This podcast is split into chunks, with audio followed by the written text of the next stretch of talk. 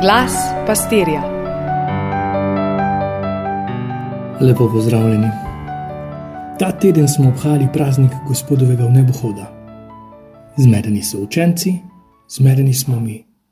Učenci, morda še malo poniženi, o pogumnih ženah. Ko oni ostajajo v svoji varnosti, ne toliko udobnosti, one pa v moči upanja in zaupanja tipajo, molijo preko. Jezus prihaja in odhaja, zdaj pa je odšel. Niso vedeli, kam naj ga umestijo. Je umrl, je preživel ali živi, je duh. Ni se prebudil dvom samo v Tomažu, tudi njih je otesnjevala skrb in nevednost, nevera in krepenenje in spominjanje in ljubezen.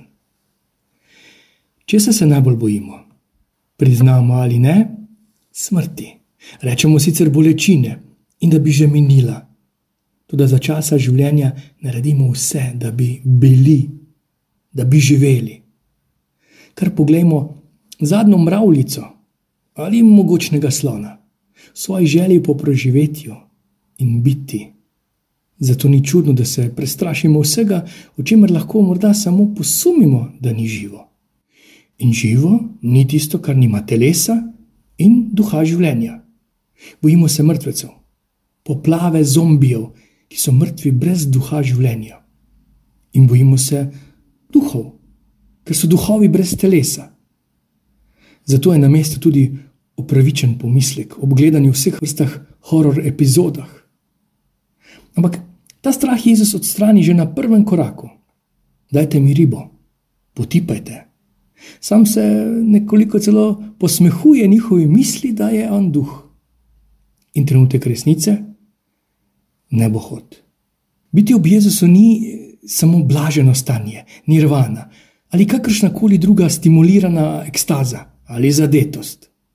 Je polnina bivanja, je še vedno glagol. Za glagol se v naravi drago plačuje. Kaj je potrebno, da se celica deli, da raste? Razvija, preživi, da začne razmišljati, da ima zavedanje, da ujame ljubezen in ljubi, da je pripravljena potrpeti in trpeti. Že sama fotosinteza je vredna občudovanja in vsi drugi preprosti procesi, ki to sploh niso tako preprosti. Kaj šele smiselnost bivanja?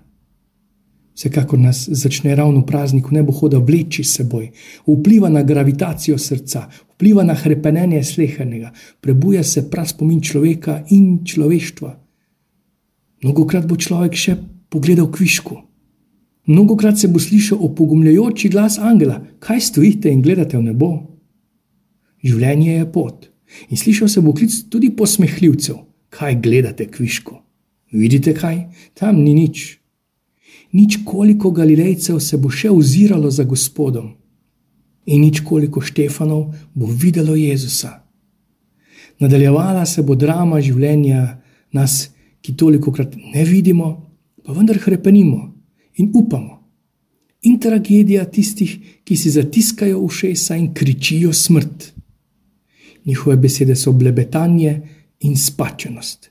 Štefanovo obličje pa je zrcalo nebes postaja, v kar se ozira, in njegov klic preglasi njihovo blebetanje. Njegova molitev po odpuščanju se zlije v Jezusovo oporoko pri zadnji večerji, da bi bili eno.